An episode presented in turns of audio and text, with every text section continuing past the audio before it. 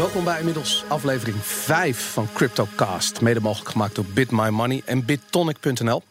Uh, naast mij staat natuurlijk, zoals altijd, Herbert Blankenstein. Hoi Herbert. Ja, met een slokje water nog achter de huig. Heel belangrijk. Uh, Madelon Vos is hier voor de broodnodige technische analyses. En uh, ik zit al de hele ochtend te wachten op haar mening. Want jongens, jongens, jongens, wat is er allemaal aan de hand? Van IEX.nl. IEX.nl, natuurlijk. Ja. En ja. jij publiceert natuurlijk ook elke week uh, jouw analyses op IEX.nl.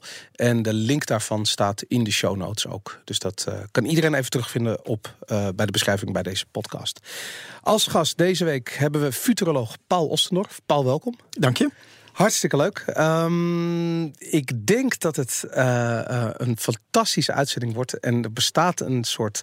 Um, gegeven dat op het moment dat de markt heel bullish is en de prijs vliegt omhoog, dan, dan, dan is, zijn de nieuwsberichten zijn alleen maar positief. Er is geen ruimte voor negativiteit. En op het moment dat het tegenovergestelde gebeurt, dus de markt zit in een dal en het lukt maar niet en het gaat maar niet, dan uh, uh, gaat het nieuws zich ook een beetje daar naartoe voegen. Of het lijkt wel alsof er meer oog is voor dat, dat zogenaamde bearish nieuws. Nou, in deze bearish gedachtegoed gaan we vandaag uh, praten over cryptocurrencies. en dat vind ik hartstikke leuk. Ik heb daar zin in. Um, disclaimer, heel erg belangrijk. Wij geven geen bele beleggingsadvies. Dat zouden we nooit doen. Dat is ook heel erg slecht. Doe absoluut niet wat we doen. Wat wij doen. We hebben, we hebben, we hebben een klein beetje uh, uh, een spel natuurlijk wat Herbert en ik spelen. Waarbij we uh, allebei duizend En als dat straks geen waarschuwing is, dan weet ik het ook niet. Daarom inderdaad, want dat gaat dramatisch. dus nee, het is geen beleggingsadvies. Het is het tegenovergestelde daarvan zelfs. Dus ik weet niet precies of daar een woord voor is. Maar doe het niet. Um, goed, zo beginnen met de tweets, Herbert. De tweets. Ja, er zijn er een hele hoop van binnengekomen. Ja. Ik heb er eentje van. Je Zal ik het eerst even? even ik heb ze bij scherm voor mijn neus. Ja, Niels die heeft um, uh, een vraag gesteld die we eigenlijk heel erg veel krijgen. Um, en dat is, hij is zelf groot fan van de cryptocurrency Electronium. En hij zegt, dit jaar komen er genoeg dingen waardoor cryptomunten meer aandacht krijgen. Niet alleen per se bitcoin. Ik heb een paar coins van Electronicum die proberen crypto bij de massa te krijgen. Um, nou goed, dit is het type tweet waar we er echt heel veel van krijgen. Kunnen we het ook eens hebben over Mijncoin? Dat is dat, ongeveer. Dat gevoel van. Kennen jullie dit project? Het is fantastisch. Het ja. is de toekomst van blockchain.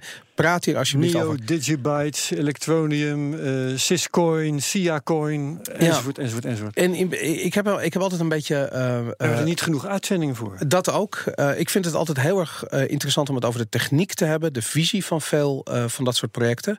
Aan de andere kant ben ik ook uh, best wel sceptisch over uh, de ruimte in de markt voor duizend plus coins. Ja. Ik bedoel, we hebben ook niet duizend verschillende versies van het internet. Er is er maar eentje. Uh, er is maar ruimte voor één internet. waarom zou er ruimte zijn voor duizend blockchains? We hebben geen duizend valuta in de bankenwereld. Daarom, dat hebben we allemaal niet nodig. Dus uh, de, de vraag is of dit soort projecten op lange termijn zullen overleven. Uh, dat weten we niet. de fittest, denk ik, hè? Dat sowieso. Op een andere manier. Ja, inderdaad. Nou goed, en als je dan naar die fundamentals kijkt, denk ik dat. Uh, hoop ik dat Electronicum erbij zit voor je, maar ik weet het niet. Maar goed, daar gaan we het over hebben.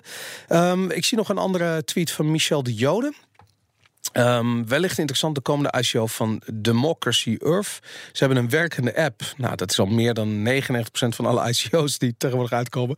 Um, ze zijn al wat jaren bezig met democratie en blockchain.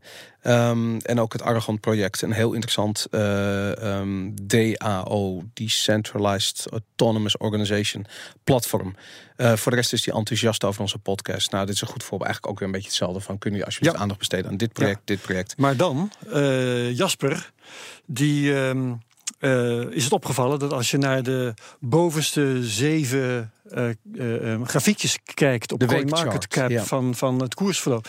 Dat, ja, die kun je zo over elkaar heen leggen. Madelon, hij, hij vraagt: is, uh, bepaalt de Bitcoin nou gewoon de hele markt? Of is er een andere verklaring? Ja, dat, dat is een hele interessante. Toevallig heb ik daar drie dagen geleden een tweetje over geplaatst. Ik zat op CoinMarketCap te kijken en de top 12 coins waren bijna allemaal identiek. De ja. koersverloop was bijna precies hetzelfde.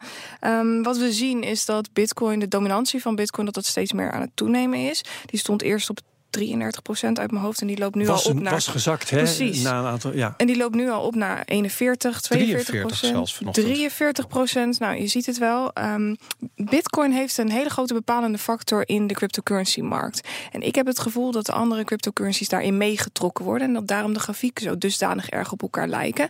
Wat je wel ziet, is dat de grafieken met een lage market cap... dat die meer beïnvloedbaar zijn en dat daar de grafieken ook wel van afwijken. Het, het hangt natuurlijk ook vanaf of je de grafiek bekijkt in Amerikaanse dollars. Uh, omdat de coins altijd gepaard zijn met bitcoin. Dus als bitcoin naar beneden gaat, gaat automatisch de prijs in Amerikaanse dollars van alle coins die daarmee uh, geconnect zijn ook naar beneden of omhoog. Dus in die zin zie je dus eigenlijk exact dezelfde grafiek. En wat je dan ook ziet, is dat eigenlijk al die andere cryptocurrencies, daar wordt niet zo heel veel in getrade. Dat volume is niet zo hoog. Uh, het volume is inderdaad relatief laag. Als je kijkt naar Bitcoin, is dat degene met de meeste volume. En dan staat Tether op de tweede plek.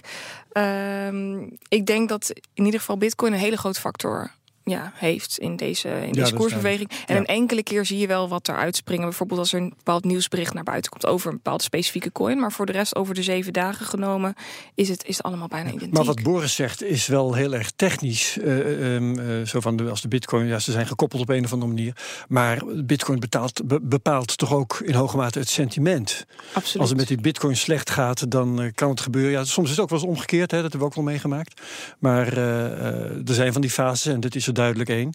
Dat als uh, de bitcoin klappen krijgt, dat iedereen wegrent uit alle cryptocurrencies. Zeker, en dat is ook logisch, want bitcoin is de, de core uh, coin, om het zo maar te zeggen. Als, het, als het de dollarkoers daalt, uh, dan, dan wordt ook iedereen ineens gek van... oh jongens, wat gebeurt er? De dollar is in beweging. En voor bitcoin, ja, dat is eigenlijk hetzelfde. Als je nou, ja, jij hebt me wel eens verteld in een van de voorgaande uitzendingen dat je doel is van traden om meer bitcoin te verzamelen. Met andere woorden, je kijkt waarschijnlijk niet meer heel erg naar die uh, US dollar uh, waarde, maar juist naar die waarde van de of eigenlijk naar, gewoon naar de hoeveelheid bitcoin per altcoin, omdat je altcoins toch gebruikt om meer bitcoin te krijgen. Voelt het dan anders wat er gebeurt? Uh, ja, toevallig afgelopen week hadden we dus een forse daling. Ondanks dat kreeg ik meer bitcoin in mijn portefeuille. Dan voelt het goed. Ja. Ik zei net ook tegen jou, nou de koers is enorm gedaald, maar ja, ik vind het eigenlijk wel leuk. Er gebeurt weer iets. Er gebeurt weer iets. Dus dat is fijn. Ja. Interessant, tof. Um, Victor. Mag, ik even? Ja? Want, want uh, we hebben onze gast hier, uh, Paul Ostendorf. Uh, IT-veteraan. Gaan we straks uit, uitvoerig mee praten. Um, en en een van de redenen dat we jou, jou hebben uitgenodigd is dat je sceptisch bent. Ja. Ook al ben je futuroloog, blijkbaar niet zo uh, overtuigd van de toekomst van cryptocurrencies. Um, nou, dat zal ik straks even nu Ja, zeker. Maar. we hebben het nu dus over uh, die koersen. En uh, doet dat jou wat op een of andere manier? Als, nou. als hier iets gebeurt in deze markt, vind je dat dan nog wel interessant? Ja, absoluut, absoluut. Ik vind het een zeer fascinerende wereld. En ik probeer het bij te houden. Dat is een onmogelijke zaak op dit moment. Zeker. Maar ik probeer het wel een beetje te volgen allemaal. En ik, ik denk dat er gouden kansen liggen. Alleen dat de huidige cryptocurrencies niet of in onvoldoende mate benutten. Oké, ja. Dus ik, ik ben genuanceerd uh, sceptisch, maar daar lig ik straks, uh, ligt ik straks nog even toe. Voor zo meteen. ja, ja. Nee, daar gaan we straks uh, inderdaad verder over praten. Want Leuk. het is natuurlijk ook inderdaad zo de speculatieve waarde van dit is, soort is een totaal ander verhaal. Ja. Oké. Okay. En dan qua, qua tweets. Um, uh, vraagt nog iemand, dat vond ik wel een, een leuke vraag, Victor Koppenol is dat. Um, wat denken jullie van de invloed, invloed die quantumcomputers gaan hebben op crypto? Misschien moet daar wel voor bij, bij Paul zijn. Ja, nou ja, dat, dat wordt een van de doodslagen. Kijk, uh, het, het, nadeel van die cryptocurrencies is dat ze allemaal op cryptografie gebaseerd zijn. Ja. En onze huidige cryptografische software is bijna allemaal op priemgetallen gebaseerd.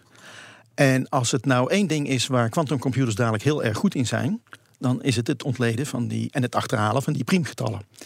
Dus op het moment dat wij een quantumcomputer zouden hebben van enige serieuze omvang in qubits gemeten. Zover zijn we overigens nog niet, want nee. we zitten nu, eh, de, de record staat geloof ik bij IBM op 42 bits, quantum qubits. Dus daar doe je nog niet zoveel mee. Maar op het moment dat dat uh, doorbraak vindt, zijn alle cryptografische algoritmes op dit moment, van dit moment waardeloos. Waaronder ook die van cryptocurrencies. Ja. En daar hebben we nog even niet goed bij stilgestaan. Uh, Wij hebben een, nee, een cryptografie die gebaseerd is op uh, die priemgetallen. Maar als je het priemgetal eenmaal weet, dan is de berekeningen die je nodig hebt voor de cryptografie kleuterschoolwerk, nou lagere schoolwerk. Het is allemaal optellen, aftrekken, delen, vermenigvuldigen. Verder niet. We hebben ons nooit gerealiseerd dat we voor een kwantumwereld ook hele andere algoritmes nodig hebben voor de cryptografie. Je moet het dan niet zoeken in het ontdekken van een moeilijk priemgetal, maar in een veel complexere berekening die niet meer te achterhalen is. En daar zijn we nu nog in de academische wereld mee bezig om voldoende serieuze algoritmen te ontwikkelen die bestand zijn tegen kwantumcomputers. Zonder daar nou heel veel uh, serieus nadenken tegenaan te gooien, maar ik klim gewoon in de helikopter en ik ga boven dat slagveld hangen.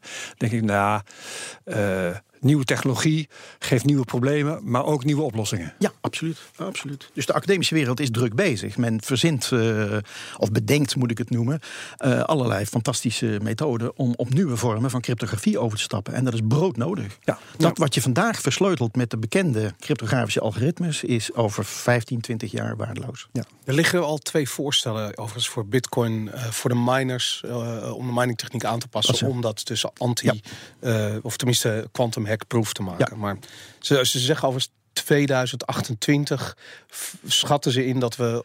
Ja, dat, is voorspellen. En dat, dat, kan een futuroloog ook niet. Dus ja, daar kan ik geen antwoord op geven. Tien jaar is altijd veilig of zo. Ja. uh, Oké. Goed, het nieuws van de week. Herbert. Um, ja. We hebben een, uh, een, een, verzameling gemaakt van al het nieuws wat voorbij kwam. Uh, wat mij opviel was dat Huawei, de Chinese Huawei, bouwt aan een techniek, of dat eigenlijk al gebouwd heeft, om blockchains te stresstesten. En uh, dat vind ik zelf heel erg interessant, omdat er zo ontzettend veel ICO's zijn die beloven de wereld. Um, maar wat ze in feite doen op het moment dat ze een eigen blockchain nodig hebben, als ze dat al doen, want heel veel ERC20 tokens zijn gewoon gebaseerd op de Ethereum blockchain. Um, uh, wat ze doen is gewoon een paar Amazon cloud servers inhuren. Die zetten ze neer in elk continent eentje. dat is niet heel erg duur. of bij Microsoft Azure doen ze dat. En uiteindelijk is dat helemaal niet de definitie van een decentrale blockchain. En zeker niet een, een netwerk wat enige stress kan hebben.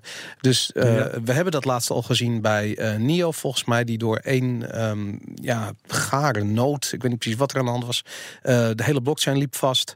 Um, en mijn vermoeden is dat er ontzettend veel projecten door de mand gaan vallen op het moment dat uh, Huawei inderdaad een, een, een, ja, een platform creëert om openbaar, want dat willen ze gaan doen, uh, blockchains te stress testen. Um, en op wat voor stress willen ze ze dan gaan testen eigenlijk? Um, ze, ze, hebben twee dingen. Het, het project Kaliper heet het. Uh, ze gaan twee verschillende dingen doen. Ze gaan um, uh, het aantal berekeningen op de blockchain uh, opvoeren, net zolang tot het stuk gaat. Ah, ja. en ze gaan het aantal gebruikers, gelijktijdig gebruikers, loslaten op een blockchain om te kijken of het stuk gaat. En ja, wat, wat, ik al zei, ik vermoed dat het bij heel veel projecten ja. heel snel zal gaan. En dat gaan ze dan op eigen initiatief, gaan ze allerlei blockchains uh, over de kling jagen? Dat, dat weten we nog niet helemaal. We weten nee. wel dat ze dit gaan bouwen en dat iedereen waarschijnlijk nu zwetend achter zijn computer zit. Dat, uh, um, ja, nee, het is de vraag wat ze er precies mee gaan doen. Dat, dat blijven we volgen dan. Ja. Goed. Uh, Google heeft een, eigenlijk de belofte gedaan om vanaf deze juni alle crypto-gerelateerde advertenties uh, te weigeren op ja. de YouTube of op YouTube op Google. Is aangewezen als een van de oorzaken van de huidige duik van de Bitcoin, hè? Ja, ik vind dat raar, want ik ben zelf juist heel positief erover. Want ik word helemaal gek van ja. altijd dezelfde commercial zien op YouTube. Het is er één van een Nederlands tradingplatform die ik echt, nou, ik denk dat ik die wel tien keer per dag zie. Ik word er helemaal gek van. Dus ik ben blij als Google uh, uh, daar iets aan doet.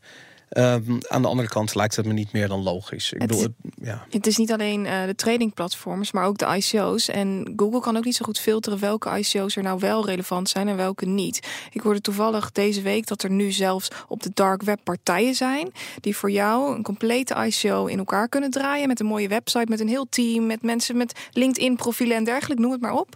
En uiteindelijk kun jij ervan doorgaan met het geld van andere mensen. En Google kan dat er niet uitfilteren. Dus voor hun is het ook heel lastig om daar op de target natuurlijk. Ja. Is het ook niet een beetje de verantwoordelijkheid van mensen die daar geld in steken? Dat is heel lastig, want eigenlijk zou daar toezicht op gehouden moeten worden. In, in onze huidige omgeving wordt daar ook toezicht op gehouden als ja. jij belegt. Of, ja. Ja, nou goed, nu hebben we toevallig gisteren uh, in Amerika de tweede hoorzitting gehad in de Senaat. Uh, um, ja, waar eigenlijk crypto-experts aan het woord worden uh, gelaten. En daar werden keiharde woorden gesproken over ICO's. dat het grenst aan oplichtingspraktijken. En er is zelfs iemand, een dame die verantwoordelijk was voor een van de eerste ICO's. Um, ik weet niet de exacte details, ze heeft heel veel geld opgehaald. en die is als eerste aangeklaagd nu. Dus dat is een project geweest wat, ja, wat over overduidelijk geen enkele uh, technische, ja. onder, uh, te technische achtergrond had, maar gewoon puur om het geld ging. Zij gaat de bak in hoogstwaarschijnlijk. Uh, verder zagen we Coinbase. Coinbase krijgt een licentie in Engeland, in de UK. Uh, en dat betekent dat ze vanuit Engeland alle Europese klanten mogen uh, gaan bedienen. Um, Madelon, word je daar blij van? Coinbase naar Nederland? naar Engeland? Ja, Nederland via, via Engeland ook alle andere Europese landen. Dus Nederland, totdat de brexit er is in ieder geval. Ja, ja, het is gewoon weer het zoveelste tradingplatform. Ja, toch? het is ja. niet heel erg bijzonder. Uh, ik vind het prima. Ja. Het mag van mij. Ja. we, we, hebben niet zoveel last van landsgrenzen, hè, eigenlijk. Eigenlijk niet. Nee. Maar ons zit de hele tijd op Chinese ja, Het maakt eigenlijk niet uit waar een exchange gevestigd is. Um, als we het toch over exchange hebben, wat ik wel een interessante vond, is dat Binance ineens met een decentraal nieuw, nieuwe exchange komt. Ja. Waarvan ik dacht. Hun eigen concurrenten oprichten, als het ware. Een decentrale exchange. Dat, dat, ja, daar Nou keek ik wel een beetje gek Nou, van. vooral toen ik dacht... Het is wel maar- iets wat altijd gezegd is dat je met blockchain zou kunnen doen. Ja. Hè? Een decentrale aandelenbeurs. Ja. Of een decentrale beurs in het algemeen. Nou, er zijn twee dingen die daar raar aan zijn. Ten eerste is dat het eh, eh, niet Bitcoin de centrale coin is op die decentrale exchange, maar hun eigen coin, de Binance Ja, coin. Alweer. logisch. Ja. En het- een, decentraal, eh, ehm, een decentrale exchange zou toch suggereren dat er niet een partij is die erachter zit. Maar dit is een gecentraliseerde Dat partij die erachter zit. Ja. Dus ik heb zoiets van hoe decentraal kun je zijn als je gewoon een ce- gecentraliseerde partij Dat moeten we in de gaten houden als hij er eenmaal is. Want het is alleen nog maar een voornemen volgens mij. Hè? Daarom, inderdaad. Dus, ehm, nou goed, dat, eh, ehm, dat is dat. Verder zagen we nog eh, Nvidia. Die gaat eh, eh, op hele korte termijn hun, eh, hun, hun eigen mining kaart, mining product releasen. Eh, wat betekent dat eigenlijk iedereen zonder al te veel technische kennis eh, thuis een mining rig kan bouwen voor alles behalve Bitcoin. Want het is geen ASICS mining, het is GPU mining. Ehm, dus ehm, nou, dat is leuk voor iedereen die dat al een keertje willen doen Ja. en nu geen videokaarten kan kopen of kan betalen. Ik zag er van de week één en dat, die had het eh, gebouwd met 64 eh, eh, GPU's. Ja. En gebruikte hem als radiator huis. Ja, ja. Gewoon met wieltjes en al. En, eh, Er worden nu zes producten op gebaseerd. Die Ja. kun je commercieel kopen. Dan, je koopt dan een, eh, een, eh, een mijnende verwarmingsradiator. Ja. En het grappige is, die- dat, dat twitterde ik via CryptoCastNL natuurlijk. En toen kreeg ik een eh, reactie van iemand die vroeg... maar wat doe je dan in de zomer? ja. En dat vind ik zo ontzettend komisch, want het is een verwarmingsapparaat. Ja. En he- je laat hem minen om te bezuinigen op de kosten van de verwarming. Het gaat om de verwarming. Als je wil optimaliseren voor minen, dan ga je natuurlijk gewoon een mining rig kopen en daar de warmte van afvoeren op een manier nou ja, dat je er het minste last van hebt. Ja. Ik vind, het, eh, ik vind het knap, want eh, eh, we hebben twee miners staan. En eh, ehm, de herrie die het maakt is oorverdovend. dus wat dat betreft ben ik benieuwd hoe ze dat oplossen. Dat is, nou, dat, dat, dat is geëlimineerd, vraag me niet hoe, bij die eh, radiator, die eh, Ja. verwarming die mined. Ehm, dus daar is in ieder geval aan gedacht. Oké, nou interessant. Maar in de zomer moet je er gewoon je warm water mee eh, opstoken. Net als dat je met Ja, de zonnecollector doet. Zodat je Ja, kunt ja, ja, douchen en in bad kunt gaan en zo. Dus je kan er wel iets mee. Ja, en zodra je weet dat zoiets bestaat, dan zeg ik van ja, wat ben je eigenlijk stom als je warmte nodig hebt, dat je die niet gewoon opwekt door te minen. Ja. Hè? Kort en goed. Absoluut. Goed, we gaan naar de prijsanalyse. Wacht even, wacht even. Oh. Ik, heb, ik heb er zelf nog een paar. Ik Oh, wil sorry, even ja. noemen dat ehm, eh, die, eh, die malle Tilburger die eh, is gaan minen met gestolen stroom. Waarvan eh, Roland, de, dat, dat was op, eh, op nu.nl staat dat Tilburger van 37 betrapt op stroom af, aftappen voor zijn cryptomuntfabriek in Rijen. Hiervoor had hij een wietplantage waarschijnlijk. Ja, dat, nou, dat denk ik niet. Want hij is dus tegen de lamp gelopen doordat die stroomafname erg in de gaten liep. En we hadden hier laatst Roland de Groei Ja. eh, van eh, bitcoinspot.nl. En die twitterde daaroverheen. Ja, het is toch wel erg raar om te denken dat als je op die schaal stroom gaat jatten, dat, het, dat je niet tegen de lamp loopt. ja.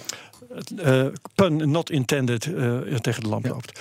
Goed, dus dat vond ik leuk. Verder eh, interessant om te noemen dat Playboy nu ook in de cryptocoins gaat. Die hebben een wallet aangekondigd.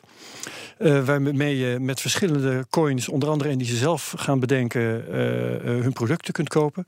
En wat jou al zal aanspreken, Boris, dat is dat MindArk ook een cryptocurrency gaat lanceren. Als ik het goed begrijp, is de sale daarvan begonnen op het moment dat wij met de opname van deze podcast begonnen. Geweldig. En wat doet het? Wat is het? Ehm, als ik het goed begrijp, maar jij zult het beter begrijpen dan ik, dan komt dat in de plaats van de, van de eh, Entropia-dollar. Oké, het zegt me helemaal niks. Even voor mijn niks? beeldvorming. Ja. Wat, waar, waar hebben we het nu over? Een nieuwe ICO, een coin? We hebben het over Ja. eh, eh, de game Entropia Universe.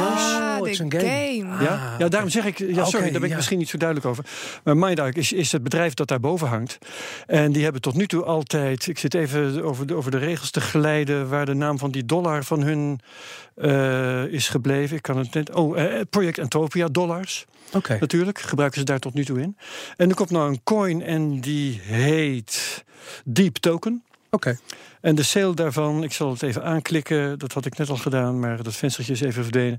Die zou volgens mij om, op donderdag om 1 uur uh, beginnen. Ja. En het is op dit moment uh, donderdag uh, kwart over 1. Countdown. En inderdaad, uh, nu staat de tijd vermeld dat de sale nog duurt. Dus nog 41 dagen, 22 uur en nog wat. Ja, nou, Dus dat is uh, de deep token. Ja, ga je um, kopen? Ik ga hem niet kopen, denk ik. Nee, nee, nee. Oh ja, en wat we zeker nog moeten noemen, uh, daar hadden we het eerder in de week, hadden we het daar samen over uh, via de sociale media. De site lambodreams.com. Ja, geweldig. Madelon begint ook al meteen te lachen. Ik zie toch een Lambo Dream flikkering in de ogen. Ja. Alleen Paul kijkt vaag. Lambodreams.com is een De Speld of een The Onion, maar dan puur gericht op crypto. En uh, de grote kop hier op dit moment, als ik het voor me heb, is uh, dat president Trump Sean Hannity heeft benoemd tot de US blockchain tsar. En Sean Hannity is de talkshow-host van Fox News. Hè, dus een van de meest rechtse en trouwens ook op allerlei gebied onwetende personen in de Verenigde Staten. Dus dat soort satire is op lambodreams.com en we zetten het in de show notes. Tof. Onze Goed. wedstrijd. Nee, Madelon. Nee, de prijsanalyse. De, de prijsanalyse ja. ja. Madelon, wat is er aan de hand? wat gebeurt er? Ja, dus... Uh, de boel tankt. Er gebeurt eindelijk weer iets. We hadden het er net al even oh, over. Zeggen, ik ben zo blij dat de koers weer beweegt. Uh, vorige week gaf ik al aan van nou, uh, we zitten een beetje in een zijwaartse beweging. Het, het, gaat rustig. We hebben een dubbele top gemaakt. Daarna een dubbele bodem. We gingen weer ietsje omhoog. En dat bleek een fake-out te zijn. En wat ik toen aangaf is, mijn onderbuikgevoel zegt dat we omlaag kunnen. Het volume leek ook een beetje, nou, die, die liep niet echt lekker mee. Um, en ik heb toen twee targets afgegeven: één supportlijn en één resistance lijn die we in de gaten konden houden. De um, weerstandslijn die we in de gaten hadden kunnen houden was 11.700. En de supportlijn lag op 9500. En uh, wat ik toen aangegeven heb is als we onder die 9500 komen, dan is het koersdoel 7800 dollar. Nu zijn we inderdaad door die supportlijn heen gegaan van 9500. Daarna hebben we een beetje, nou, een beetje weer getest. Iets naar beneden, weer iets omhoog. En uiteindelijk vannacht zijn we, hebben we in ieder geval uh, het koersdoel geraakt. Want we zijn op het laagste punt op 7665 geweest. Dus dat is 135 dollar onder het target. Dus dat is top. En de verwachting is dat we nu weer iets omhoog gaan. Um, voor wat ik nu kan zien, ik zie geen patroon. Ik zie een hoog volume. En wat me heel erg opvalt is dat de grafiek omlaag loopt, maar de relatieve sterkte-indicator, die dus de kracht in de markt meet, die loopt op. Wat zou kunnen betekenen dat de koers strakjes weer even een kortstondige opleving heeft. Maar als we, ik bekijk nu de uh, grafiek op de vier uur uh, grafiek. Maar als we deze grafiek langer even wat langer bekijken. En dan zien we dat we nog steeds in een downtrend zitten. En dat we ja, vanaf december al. En dat we daar nog niet uitgebroken zijn. Dus er is echt nog wel wat nodig om uit deze grafiek te breken. En ik verwacht ook niet dat dat op korte termijn gebeurt. Nu is er mogelijk een korte opleving. Ja, dat, dat kan. Maar ik zie niet uh, op korte termijn dat we weer uh, heel erg richting die, uh, die 12.000 dollar gaan. Word je daar niet droevig van? Of ben je juist als een gek aan het handelen en gebruik aan het maken van die schommelingen? Ik vind het hartstikke leuk. Het is fantastisch als uh, je koersdoel uitkomt. En als je dan op dat moment weer uit of in kunt stappen. Dat is, dat is het mooiste wat er is. Daar krijg ik uh, warme gevoelens van. Dus dat is top. En um, dat de koers naar beneden gaat is in principe niet erg. Want ja. het doel is om zoveel mogelijk bitcoins te verzamelen. En op het moment dat je in altcoins zit die meer stijgen of minder dalen dan bitcoin is het in feite al gelukt. Maar als je kijkt naar de rest van de, van de altcoin-markt, dan zou je mm -hmm. kunnen zeggen dat de trend ook eigenlijk net zo uh, dalend is als ja. die van Bitcoin, toch? Ja, klopt. Maar je kunt wel bepaalde spikes meepakken als je de altcoin versus de Bitcoin-koers bekijkt in een grafiek. Ja. En daar kun je dan ook nog op handelen, los van de Bitcoin-koers. Ja. En dat gaat uh, behoorlijk goed. En ook Bitcoin gaat ontiegelijk goed, ondanks dat we naar beneden gaan. Er is echt geen man overboord, ondanks dat de koers naar beneden gaat. Het is nu rustig, maar Bitcoin is niet stuk. Wat ik, wat ik altijd roep, er is niets fundamenteels wat er op dit moment echt ja, waar, waardoor de koers op dit moment zou moeten dalen. Het is gewoon rustig. De hype is een beetje weg, maar dat is helemaal niet erg. Ik ben blij dat je zo positief bent. Zeker. Ik voel mezelf af en toe een soort supporter van zo'n voetbalclub onderaan de ranglijst van de Eredivisie. Van, van, dan sta je daar weer in dat stadion te kijken hoe ze 2-1 verliezen. Weet je, dat, uh, ja, vreselijk. Ja, kom op jongens. Volgend seizoen. Ja. Waarom zal ik die seizoenkaart vernieuwen? Ja of nee? Dat is dan de vraag. Het is heel grappig. Ik, uh, uh, ik krijg wel eens geluiden van nou, mijn vrouw onder andere, maar ook wel van links-rechts. nou, hier bij het FD. De mensen die tegen mij zeggen: Nou, we horen je toch aanzienlijk vaker en harder als de boel omhoog gaat. en dat is ook zo Ja, dat is waar. maar ik betrap me er nu zelf, zelfs op dat, uh, dat het zo uh, deprimerend is. Ik zit er wat dat betreft iets anders in dan Madelon, uh, toch blijkbaar. dat ik steeds minder zin heb om er naar te kijken. Ja, dat heb ik ook. Laat staan om er wat over te zeggen tegen anderen. Ik ja. moet zeggen dat deze podcast er ook voor zorgt dat ik er elke dag naar kijk. Maar anders weet ik niet of ik dat nog zou volhouden. Ja. Maar, nou ja, en ik, ik, ik denk in deze dagen heel veel aan de tijd van 2013, 2014. Ja. Um, waar, en, en ik begin me langzamerhand ook te, uh, af te vragen, en dat is ook eigenlijk wat jij zegt, Madelon. We moeten volgens mij heel wat geduld gaan hebben ja. voordat uh, de, het tij weer keert. Dit kan nog wel een poosje zo. In, destijds doorgaan. duurde het, geloof ik, 13 maanden voordat uh, de boel weer structureel ja. omhoog ging. Ze gaan degraderen. En niks, niks verbazen. Ja, League. En we lusten niet eens Jupiler. Ja. Ja. ja, en als de koers dan weer omhoog loopt, dan gaat dat ook relatief rustig. Kijk, dat, wat Ja, wij gewend precies. zijn van december en, en november, dat, dat, dat is ongekend. Dat de Ja. koers zo erg schommelde, dat gebeurt alleen in een hype. Want in 2016 had je eigenlijk pas na een jaar of zo door dat het echt weer omhoog ging. Precies, precies. Ja. En dat ging ook nog relatief rustig. 2015 ging ook hartstikke rustig. En wat, ik, wat ik nu zie, is eigenlijk 2013, 14, 15 all over again. Dus het zou nog wel eventjes voort kunnen duren. En dat is niet erg. Dat is absoluut niet erg. Maar ik denk wel dat als je dit op dagbasis wil gaan doen, dat je dan je emoties zoveel mogelijk uit moet schakelen. En dat je niet geen kick moet geven als de koers even naar beneden gaat. Ik ben daar nog niet. Goed. Zullen we even snel een update van onze game en dan gaan we met, Ja, eh, met Paul praten. echt met de Ehm, billen bloot. Ja, even kijken. Ehm, ik heb jouw eh, tweet of vanochtend jouw berichtje gekregen, Herbert. Eh, op dit ogenblik is de waarde van jouw portfolio gedaald van die 1000 dollar. En ik zal nog even uitleggen. Herbert en ik hebben allebei aan het begin van dit seizoen 1000 dollar ehm, fictief gestoken in, een- in een. In een portfolio van crypto coins. En daar is op dit ogenblik bij Herbert nog maar 618 dollar 67 van over. Ehm, Dat was vanmorgen. Het is nu alweer 641. 641. Oh, wauw. Ik heb eh, op dit ogenblik. Ik heb het iets beter gedaan, maar ook niet heel goed. 886 dollar 03 eh, heb ik. En eh, ehm, Herbert, ga jij iets veranderen aan je portfolio-strategie? Nou, Ik las wat jij in het draaiboek had gezet en het was exact dezelfde tekst die ik mezelf al een tijdje voorhield. Je moet stilzitten als je wordt geschoren. Juist. Je ja. kunt nu wel als een idioot eh, gaan, eh, gaan handelen, eh, altcoins aankopen of juist verkopen, bitcoin aankopen of juist verkopen. Nee, gewoon eventjes rustig zitten en wachten en eh, wachten tot de rook is opgetrokken. Heb je nog jullie alleen maar aankopen en verkopen? Of ga je ook in turbo's en futures? Nee, Of aankopen, verkopen. aankopen? En helaas mogen we ook niet uitstappen naar euro, want anders had ik dat gedaan.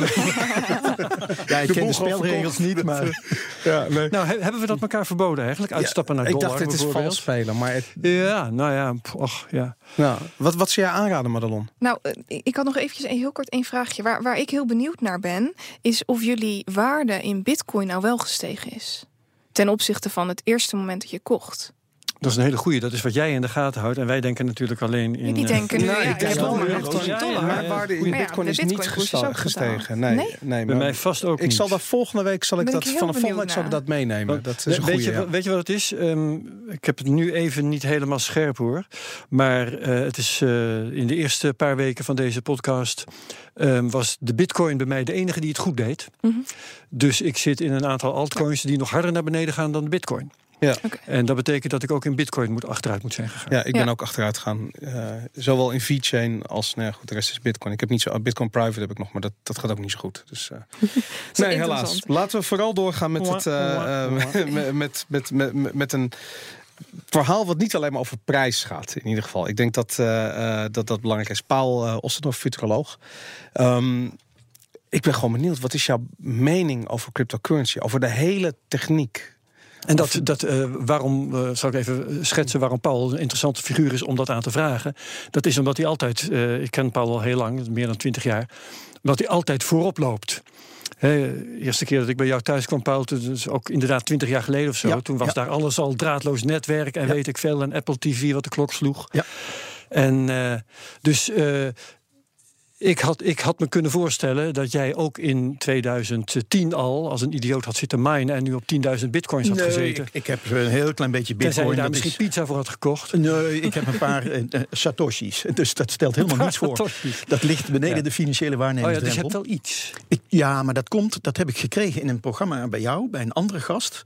Oh, die dat? Uh, kaartjes stond uit te delen met toen de tijd ja, ja, ja. 1 euro of zo. En volgens mij was het Pieter Jan Goppel van Bitonic. Ja, nu sponsor van dit ja. programma. En dat ligt nog steeds in mijn bureaula, dat kaartje. Dus volgens dat mij was dat een duizendste bitcoin. Zoiets, En dat was toen de tijd, want we hebben het over uh, uh, eind 2013. Toen de tijd was dat ongeveer 1 euro waard. Ja, dus dat, dat, daarom zeg ik het is in satoshis uit te drukken. Dus het stelt niks voor. Maar intussen wel aanmerkelijk meer trouwens. Waarschijnlijk wel 100 euro waard. Dat zou best wel kunnen, ja. Wie weet. Maar goed, nee. ga verder. Uh, ja, jij nou, bent dus... maar, uh, ik heb een, al een, meer dan 40 jaar een, een zekere aversie tegen gartaal geld. En dat uh, uitte ik voor het eerst toen ik uh, werkte vanuit mijn softwareachtergrond voor een uh, bank. En dat is natuurlijk ja, prediken in in de hel eigenlijk. Hè, als je dan ja. uh, zegt dat je tegen gartaal geld bent. Maar in die afgelopen 40 jaar is die uh, aversie tegen gartaal geld alleen maar toegenomen. En dat is heel simpel. Het is gewoon veel te duur geworden. Het gartale geld is veel te duur. Je moet het fabriceren, je moet het ontwerpen. Dat zijn kostbare zaken geworden, zeker met de falsificaties van vandaag de dag. Uh, het slijt. Uh, papieren geld heeft een zekere omlooptijd en daarna moet het gewoon vernieuwd worden. Ja, gaat, fysiek geld. Fysiek dus, tastbare uh, geld, munten en, en, briefjes zeg maar. Ja, ja, je moet het transporteren, dat is een dure zaak, want je wordt overvallen. Het moet in gelduitgifteautomaten, die worden opgeblazen door allerlei Audi-bendes in het land. Je kunt het geld zelf verliezen, je kunt beroofd worden. En waarom is dat, uh, je zegt uh, preken in de hel, vloek in de kerk is... Uh, vloek in de kerk, dat zocht ik. Dat is uitdrukking op woord. maar dat tezijde... Um, want de banken zelf willen daar toch ook al lang vanaf. Die willen het allemaal ja, gewoon. Uh, maar 40 jaar geleden verdienden ze nog aan het gartale geld. Okay, Toen ja, was ja. daar nog business. Vandaag de dag kost het alleen maar geld. En kost zelfs het hele betaalcircuit kost ze alleen maar geld. Dus Zeker, eigenlijk interesseert het. Uh, ik chargeer nu even, maar het interesseert ze niet zo gek veel wat er met het hele betaalsysteem gebeurt. Want ze zeggen voor ons is het een verliesgevende post. Ja. Ze zeggen ja, dan doe je iets niet goed. Want anderen verdienen eraan. Dus schijnbaar hebben die dan een methode gevonden die jij niet gevonden hebt. En als Wie bank, verdienen eraan dan? Uh, er verdienen partijen aan die nu uh, tussen stations zijn. Dus Interbankaire partijen, uh, pinbedrijven die pintransacties ja, ja. afhandelen. Uh, een bedrijf als Apple, die met Apple Pay daar leuk aan verdient. Want van elke transactie vangen zij een miniem percentage. Maar als je dat wereldwijd doet, begint dat leuke vormen aan te nemen. Dus als er genoeg partijen zijn op de wereld die er toch aan verdienen. En jij als bank, die geacht wordt verstand te hebben van geld, verdient er niet aan, doe je iets niet goed. Dus dat was de discussie die toen de tijd uh, ontstond. Nou, ik uh, werd toen redelijk voor gek verklaard. Daar zit ik niet zo mee, dat gebeurt wel vaker. Maar uh, de aversie tegen contant gartaal geld is nooit weggegaan. Ja. We moeten er vanaf. Het is te duur, je verliest het, het slijt. Uh, het hele value chain, zoals je dat dan noemt, ja. van uitgeven tot fabriceren en weer recirculeren, is gewoon veel te kostbaar geworden. Het is gewoon onhandig. Dus mijn vrouw en ik proberen overal waar we komen te pinnen. En we zijn hoogst verbaasd als we nog een plek vinden op deze wereld waar je niet kunt pinnen. Ja, ja, ja. Ze bestaan helaas nog, maar we hebben eigenlijk allebei een hekel aan, aan contant geld. Ik heb er zijn wel mensen, uh, privacy-voorvechters bijvoorbeeld, ja. die zweren bij contant geld. Ja, die en ken ik. dat is ook best verdedigbaar, ja. of vind jij van niet? Ja, nou, ik, ik vind van niet. Dat wil zeggen, uh, je, je bent toch wel altijd wel te traceren. En zeker in de toekomst met alle technieken die er nog aankomen. Maar ik ken ze ook. Ik ken iemand die uh, dus elke maand naar de bankkaart meteen zijn salaris eraf haalt. en, ja, echt. Dat is wel heel extreem. Alles contant betaald, maar dan ook alles. Ja, ja dit, dan maak je het volgens mij heel erg moeilijk in het leven. Dit staat wel haaks op hetgene wat Thomas Bolle vorige week bij ons zei. Want die gaf juist aan, giraal geld is eigenlijk een lening aan de bank. En al het geld wat op, ons, op onze rekening staat, dat is eigenlijk helemaal niet van ons. En op het moment dat jij het in je handen hebt, dan kun je zeggen, dit is mijn geld. Maar anders is het geld van de bank. En bovendien ja, is het nou, publieke van de dienst bank. is heel vreemd dat je dat van een private partij moet betrekken. Dat is een ja, ander deel van Het ligt net ja. iets anders. Geld is eigenlijk altijd een vorm van een schuld. Op het moment dat jij geld wil creëren, creëer aan de andere kant creëer je een schuld. Mhm. En behalve dus, dat fysieke geld dus. Uh, ja, maar dat is maar een beperkte hoeveelheid. Ja. Als je dus in de geldhoeveelheid van de economie kijkt, in M0, M1, M2 en dergelijke, dan is de hoeveelheid van het gartale geld en de schepping daarvan vindt door de centrale bank plaats. Normaal vindt geldschepping door banken plaats, maar de centrale bank mag het gartale geld scheppen. Maar dat is marginaal ten opzichte van. Minder dan 5 procent heb ik mooi Ja, ja, minder. De plaats in het betoog, of zo. De plaats in het betoog van Thomas was wel interessant, want uh, Madelon heeft wel gelijk. Um, wat het betoog van Thomas kwam erop uit dat uh, Bitcoin of wat voor cryptocurrency dan ook, uh, de tot nu toe vakante plek kan innemen van uh, een digitaal monetair object. Dus monetair object als een munt of iets wat je dus zelf vasthoudt en wat weg is als je het, als je het hebt besteed. Ja. Maar tegelijkertijd digitaal van aard, dus passend in deze tijd en met alle voordelen van die. Ja, nou dat zou het in theorie kunnen, maar in praktijk werkt het net even iets anders op dit moment. Dus als we even de logica volgen van ik heb dus wat tegen het gartale geld. Dus in die zin ben ik groot voorstander van elk ander monetair systeem wat dat gartale geld kan verdringen. Ik ben ook reëel genoeg om te zeggen dat je het niet morgen kunt afschaffen. Je helpt een hele hoop ouderen in de problemen. Uh, een aantal banken willen er ook niet uh, aan. Uh, de overheids, hoe heet dat, de centrale banken. Dus je kan er niet morgen vanaf. Maar we moeten daar wel naar blijven streven. Hoe lager de hoeveelheid gartaal geld ten opzichte van de totale geldhoeveelheid, hoe beter dat het er voor de toekomst uitziet. Goed, dat gezegd hebbende, ben ik dus ook een groot voorstander van om een alternatief te maken. Maar dan gaat het om, wat wil je bereiken? Wil je naar een betaalsysteem? Wil je naar een valuta? Of wil je naar een ander monetair systeem? En dat zijn drie verschillende onderwerpen die alle drie een hele andere aanpak vragen. Maar, maar waarom zijn die verschillend? Want ik heb namelijk altijd geleerd dat uh, valuta een aantal stadia moet doormaken voordat het aankomt bij het moment waarop je het als valuta kunt gebruiken. Bijvoorbeeld uh, store of wealth of store value moet eerst komen. Ja. Als wij niet beide geloven in de waarde van een, dan van gebeurt een er niks. ruilmiddel, dan gebeurt er niks. Ja. En we zitten nu nog eigenlijk nog in de fase voor dat die store of value uh, moment van bitcoin er is. Ja, nou laat ik zo zeggen, als ik in een winkel iets uh, koop en ik doe dat met een pinbetaling, dan heb ik het over een betaalsysteem. Mm -hmm. En dat is dus gewoon een plastic pasje of draadloos of, of wel met contact, dat maakt op zich niet uit. Maar dan gaat het puur om het verrichten van de betaling zelf. Er vindt dus een waardeoverdracht plaats van A, ik, naar B, een winkelier. Ja.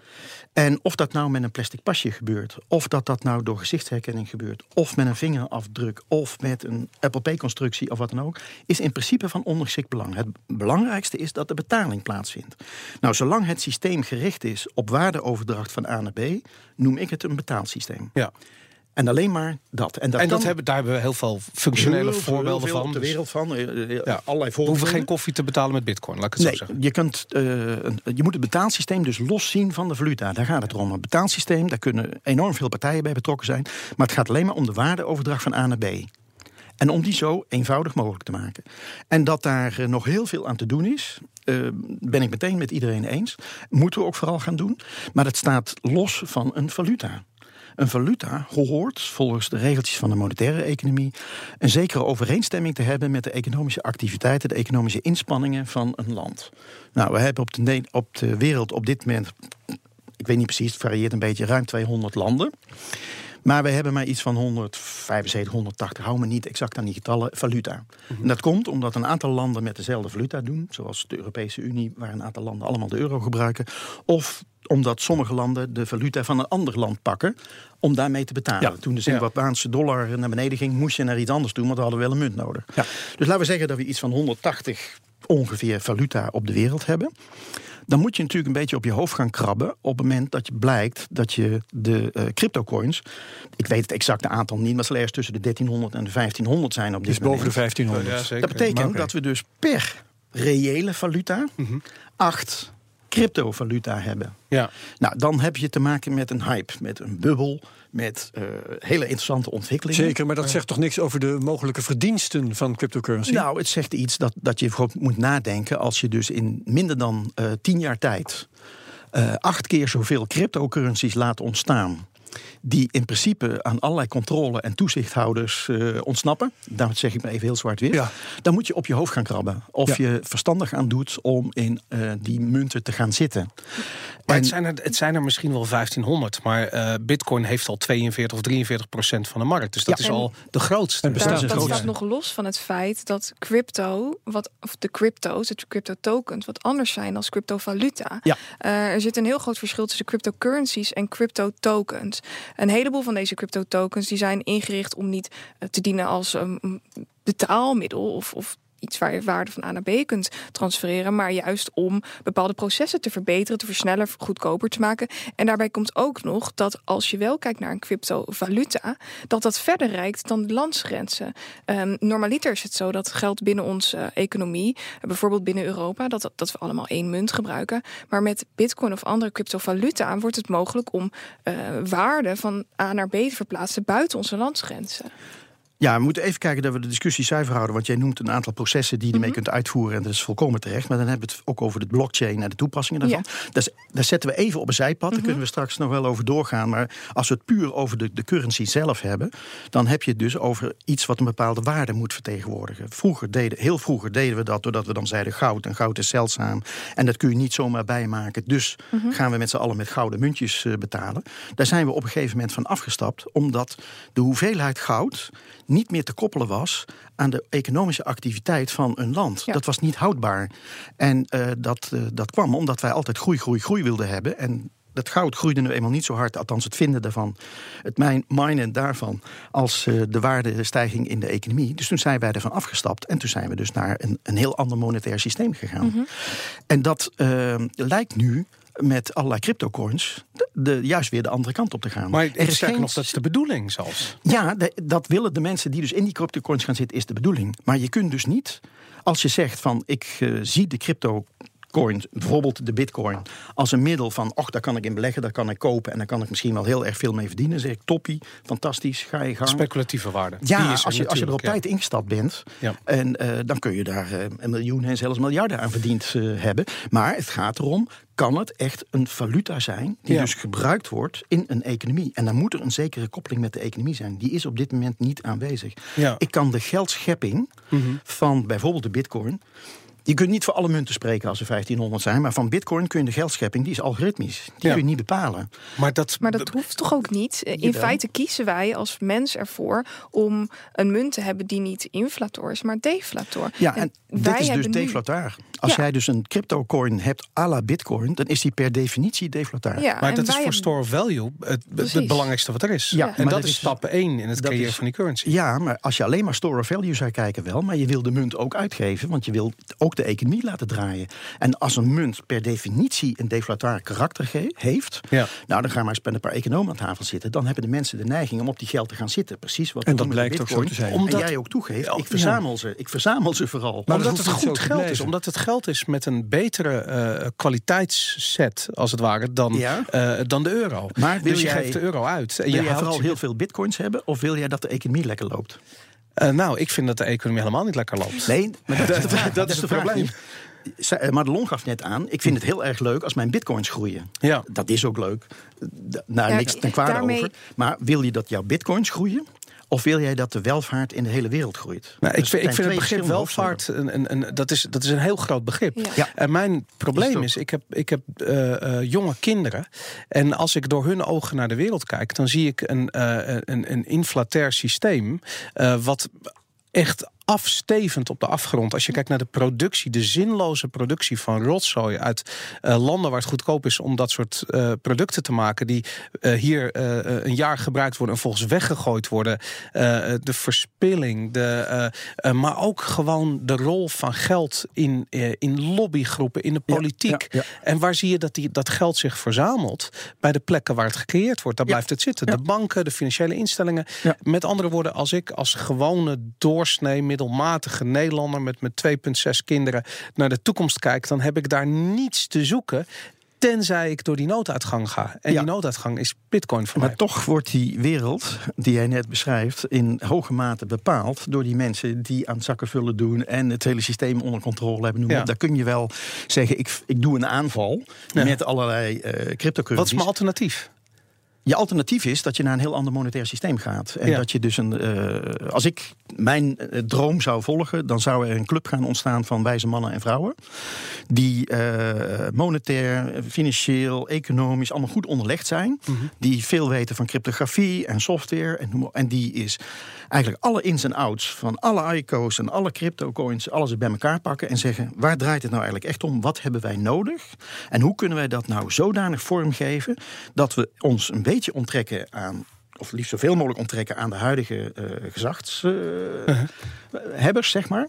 Maar, eh, Het mag van jou wel beetje- los van grote banken bijvoorbeeld. Ja, dat Maar mag dat wel. is Bitcoin, Omdat- toch? Nee, nee, nee. Bitcoin is iets wat krakend vast gaat lopen. Eh, de, de, de Bitcoin is, heeft nu een publieke, openbare blockchain. Ja. Jij en ik mogen morgen aan het mijnen gaan. Madelon ook, Herbert ook. We mogen allemaal Ja. aan het mijnen gaan. Op dit moment doen we dat ook zeer enthousiast. Absoluut, We hadden het net ja. al over die rigs die er verkocht worden. Maar als je kijkt hoeveel energie er gaat in het minen...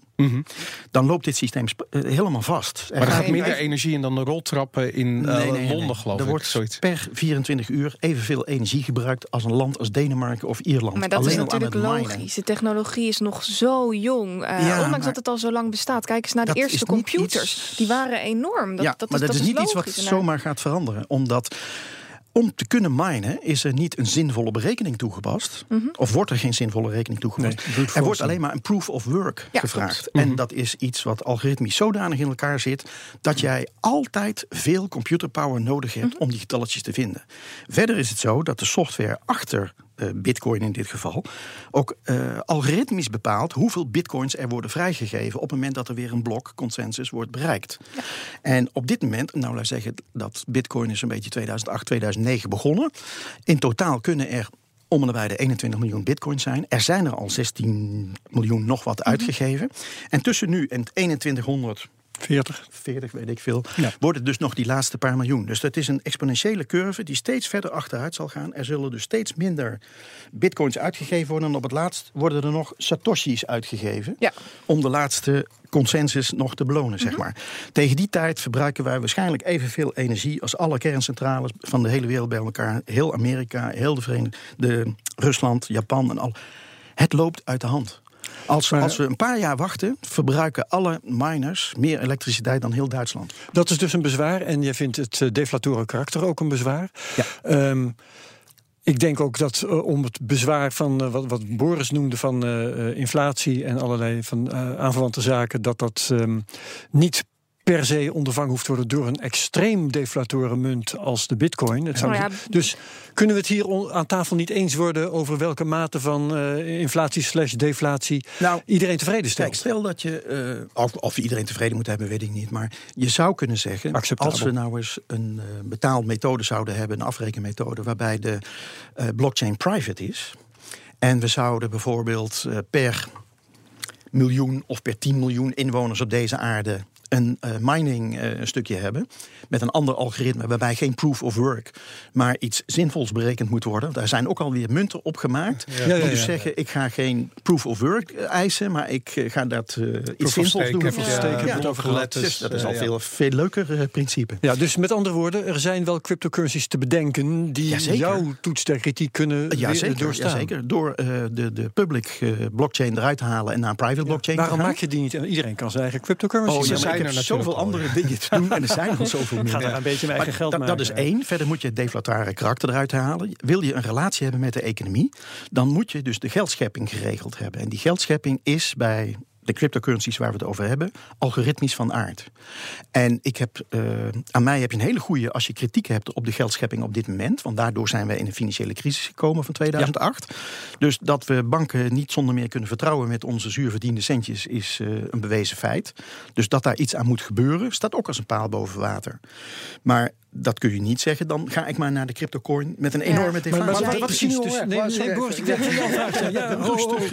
Want ik, ik, eh, ik, ik wil graag even de scheidsrechter uithangen. Want eh, jij, eh, Boris, eh, nam het net op voor de bitcoin. En zo. Maar eh, zo deflator als de bitcoin is, dat hoeft toch niet. Er zijn cryptocoins zat, Ether bijvoorbeeld, waar eh, eh, Ja. best een zekere mate van geldschepping is ingebouwd. Op dit Ja, zo moment erg is, is bitcoin geen deflatoren munt. Dat moet wel we even gezegd worden. 4% Pas inflatie dit jaar op op, het bitcoin. moment Ja. dat Bitcoin volledig gemined is. En zelfs in 2040 is Bitcoin nog niet volledig Ja, ja, gemined. klopt. Want we krijgen Ja. nog allemaal Satoshis. Pas op het moment dat alles gemined is, dan wordt Bitcoin deflator. Op het moment dat de vraag dan gelijk blijft. De vraag juist stijgt. Nou, is in elk geval zo deflator dat eh, door de waar- waardestijging, afgezien dan van dit moment, dat mensen helemaal geen zin hebben om ze uit te geven. En, en- En dat is ja, weer want dat is zo je- je interessant. je huidige monetaire basis is, eh, laten we zeggen dat er 16 miljoen zijn uitgegeven. En laten we even voor het gemak rekenen op 10.000 voor een munt. Dan zit je op 160 miljard als monetaire basis. En als jij dus in minder dan 10 jaar tijd van nul naar een monetaire basis van 160 miljard gaat. Ja, dan heb je het over een enorm explosief Ja, Maar stijgen. daar wil ik Wat- even op, op inhaken, want ik vind dat namelijk zo interessant. Sorry, maar En daarna nog Madelon. Ja, da- daarna. Ik, Pas op. ik, ik hoorde je het namelijk ook zeggen, eh, de ver- eh, vertrouwenscrisis met de banken. Ja. Ehm, aan de ene kant heb je kritiek op, de, eh, op het proof of work principe. Ja. En aan de andere kant is er overduidelijk een, een vertrouwenscrisis tussen eh, de- het volk en de banken. Ja. Proof of work lost dat op. Ik ben het met je eens dat het een gigantische hoeveelheid energie kost. Het is een oplossing. Nou ja, maar niet de enige oplossing. En we, dit moet geen wel eens niet spelletje worden. Het is niet zo dat ik tegen cryptocurrencies ben. Ja, Absoluut is niet. duidelijk, Ik ben hartstikke voor. Uh-huh. Ik zeg alleen de wijze waarop ze nu gestalte hebben gekregen. In de zin van de hoeveelheid energie die nodig is voor eh, overdrachten in de waarde. De lekken die erin zitten. eh, de, de, de doel wat het dient. Hè, Er zit heel veel van eh, ja, het, het criminele circuit zit Ja. daarin. Een land dat in de problemen komt, zie je in één keer een enorme piek in de koers van bijvoorbeeld bitcoin. Omdat er gewoon gevlucht wordt. dat het veilig Op het is, moment ja. dat een regering weer zegt van... oh god, we gaan toch eens wat beter in de gaten houden... en dat kan zo niet, zie je weer een dal in eh, ding. Het is heel volatiel, het gedrag. Je kan er ja. dus niet echt op sparen. Je kan er niet echt je leven opbouwen. Je kan er je huis of je hypotheek... Of Omdat je, we in de beginfase zitten, natuurlijk. Nou, we zijn al bijna tien jaar bezig. Dus, ja, eh, oké, maar dan was je echt... nu even ja. Ja. Vanuit mijn perspectief is op dit moment Bitcoin de enige oplossing. Eh, als je daarover nadenkt, dat nou, je hebt jonge kinderen, Boris. Iedere 17 jaar halveert je geld in koopkracht als we 2,5% inflatie hebben. Je gewone fiat geld. Precies. en Als met, we 2,5% hebben. ja, en als dat zo Want is, en dan kijk je ook nog naar het halen, halen we mandje. dat niet. Nou, dan- dan, dan kijk je naar het mandje waar de ECB naar kijkt, maar Ja. het hangt er net vanaf welk mandje Als je naar de huizenprijzen kijkt, is de inflatie vele malen groter. Bijvoorbeeld. Ehm, met dat in mijn achterhoofd, dan is het enige wat ik dan kan denken, is wa- wat hebben we nog meer wat wel relatief in waarde gelijk blijft of überhaupt stijgt. En dan is het enige wat ik me kan bedenken, goud, misschien wat aandelen waar ik mijn geld in kan stoppen. En nou, vastgoed, dat zit nu in een bubbel, dus dat durf ik niet eens. En bitcoin. Wat, wat voor oplossingen zie jij dan Nou, nog meer? omdat je eh, zegt, ik wil iets wat in waarde gelijk blijft. Ja. Maar als je, eh, ten opzichte van wat? Ten opzichte van de economie? Ten opzichte van de koopkracht die ik heb. Nee, want die economie die groeit. Normaal als... als eh, Maar dus- mijn salaris niet. Dat is een heel ander verhaal. Daar bemoei ik me verder niet Nee, mee. nee, nee, dat snap ik. Maar eh, normaal is het zo dat als de economie groeit, dat je dan uiteindelijk daar meer voor terugkrijgt als, Ja. als burger zijnde. En ik merk dat niet iedereen zegt het gaat Er een supergoed met de economie. Maar ja. de hypotheken die, die, die zijn hartstikke duur. Eh, de, de huurprijzen die zijn enorm gestegen. Freelancers hebben het moeilijker Een dan van ooit. de Ja. zwakheden van de huidige economische systeem is dat de waardeverdeling in de samenleving eh, niet al te rechtvaardig is. Mhm. En dat is niet zomaar een of ander links gedachtegoed wat ik nu uit, maar je kunt eh, eh, wetenschappelijk aantonen dat eh, de rijken steeds rijker worden en de mensen die het wat minder hebben steeds verder achter gaan lopen. Dus een steeds kleinere groep wordt steeds rijker. Maar als we het streven van de samenleving erop zouden richten dat we niet allemaal meer moeten gaan verdienen, maar dat de welvaart toeneemt, dat is iets heel anders als meer verdienen. Dan zeg je, als je daarbinnen toch waardeoverdracht wil laten plaatsvinden, zal er onontkoombaar een zekere koppeling tussen die economie en die waarde moeten zijn. Ja. Dus het is heel leuk als je zegt, ik spaar bitcoins. Ik gun je ze allemaal en ik hoop dat je een enorme aantal zult bereiken. Maar wat heb je eraan als de waarde ervan in een reële economie eh, nul wordt of eh, Ja, dat is op dit moment niet het geval. Want Nee, op dit moment halveert dit- juist ja. de euro Ja. eh, in 18 jaar. En de bitcoin zou dan alleen al als de prijs nu gelijk zou blijven... al 50% Ja. in koopkracht toenemen als ik hem dan over 18 jaar weer in zou Nou, we moeten naar een systeem wat ook over 40, 50, 80 jaar nog zou werken. Ja. En ik denk dat je dan on, ongewild in een enorm deflatoir karakter komt. Maar dat, dat is duidelijk. Dat is namelijk de enige logische tegenbeweging tegen een inflator Ja. probleem. Maar elke econoom zal je vertellen, als je naar een eh, monetair systeem gaat, wat dat deflatoire karakter in zich heeft, Ja. hebben de mensen de neiging om op hun geld te gaan zitten. Ja. En als geld, zolang er een economie is waar geld nodig is om groei te creëren, om investeringen te creëren, zet je dus een rem op toekomstige welvaart. Maar dat is alleen maar een bezwaar als er alleen nog maar bitcoin is. Ja, maar je wil het juist zien als een alternatief. Ja, hè? ja. Van we gaan af van de banken, we gaan eens. af van de eh, oude Het mag er currencies. wat mij betreft naast bestaan. Heb ik helemaal geen probleem mee. Ja, maar nou bestaat er dus acht keer zoveel naast dat, als dat er reële munten zijn. En daar zit een beetje de pijn. Ik ben hartstikke voor als er dus een commissie van wijze mannen en vrouwen zou zijn. Die eh, tot een cryptocurrency komen. Met een fatsoenlijke blockchain. Mhm. Waar alles mee kan wat blockchain in zich heeft. En dat is een enorme potentie. Waar alle lekken die nu in Ethereum zitten eruit gehaald zijn. Want daar zijn ook al miljoenen verdwenen aan eh, ja, malafide transacties, Ja. zeg maar. Dus er zitten duidelijk hiaten en gaten in die ontstaan zijn door de enorme groei van dit soort systemen. Dan zeg ik, dan moeten we nu de, de koppen bij elkaar steken en slimme mannen en vrouwen eh, pakken eh, en zeggen, nou gaan wij een systeem bedenken wat inderdaad eh, de geldschepping regelt, de betalingen regelt, de waardebehoud regelt, een zekere relatie met de economie bewerkstelligt, waarin dus alle tekortkomingen van vandaag proberen op te lossen. Ja. Ik heb wel eens als natte droom dat ik als denk van, als ik eh, alle huidige cryptocoins zou pakken, alle ICO's zou pakken, alle ins en outs in een soort AI zou kunnen gooien. Dat kan niet, maar stel Kunstmatige dat. intelligentie, ja. Ja, dat ik dan eh, ergens met een oplossing zou komen. Dat je, dit zijn alle fouten en we moeten meer die kant op. En Zo dan, en dan een coin beginnen die daar gebruik van maakt. Bijvoorbeeld. Bijvoorbeeld. Ik heb even een heel ander, andere vraag. Eh, eh, als, als iemand die al heel erg lang technologische ontwikkelingen volgt.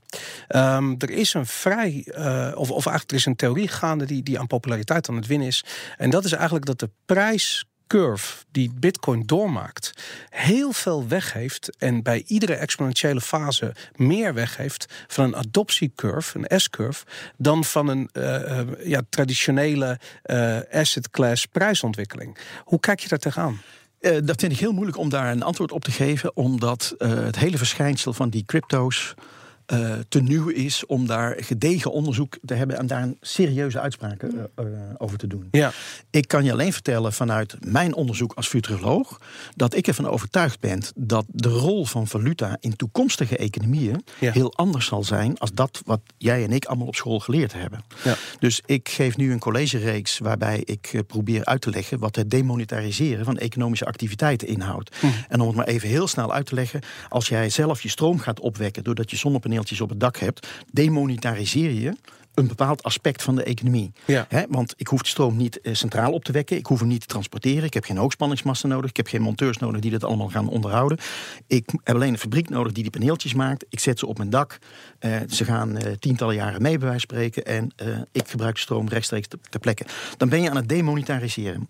Ik kan je een, een college geven van drie uur. Waarin ik je uitleg dat je steeds meer kunt demonetariseren. Nee, dat betekent dat wij in de toekomst, en dan heb ik het over enkele tientallen jaren, naar een economie gaan waarbij de rol van de valuta heel anders wordt als dat we die in het verleden hadden.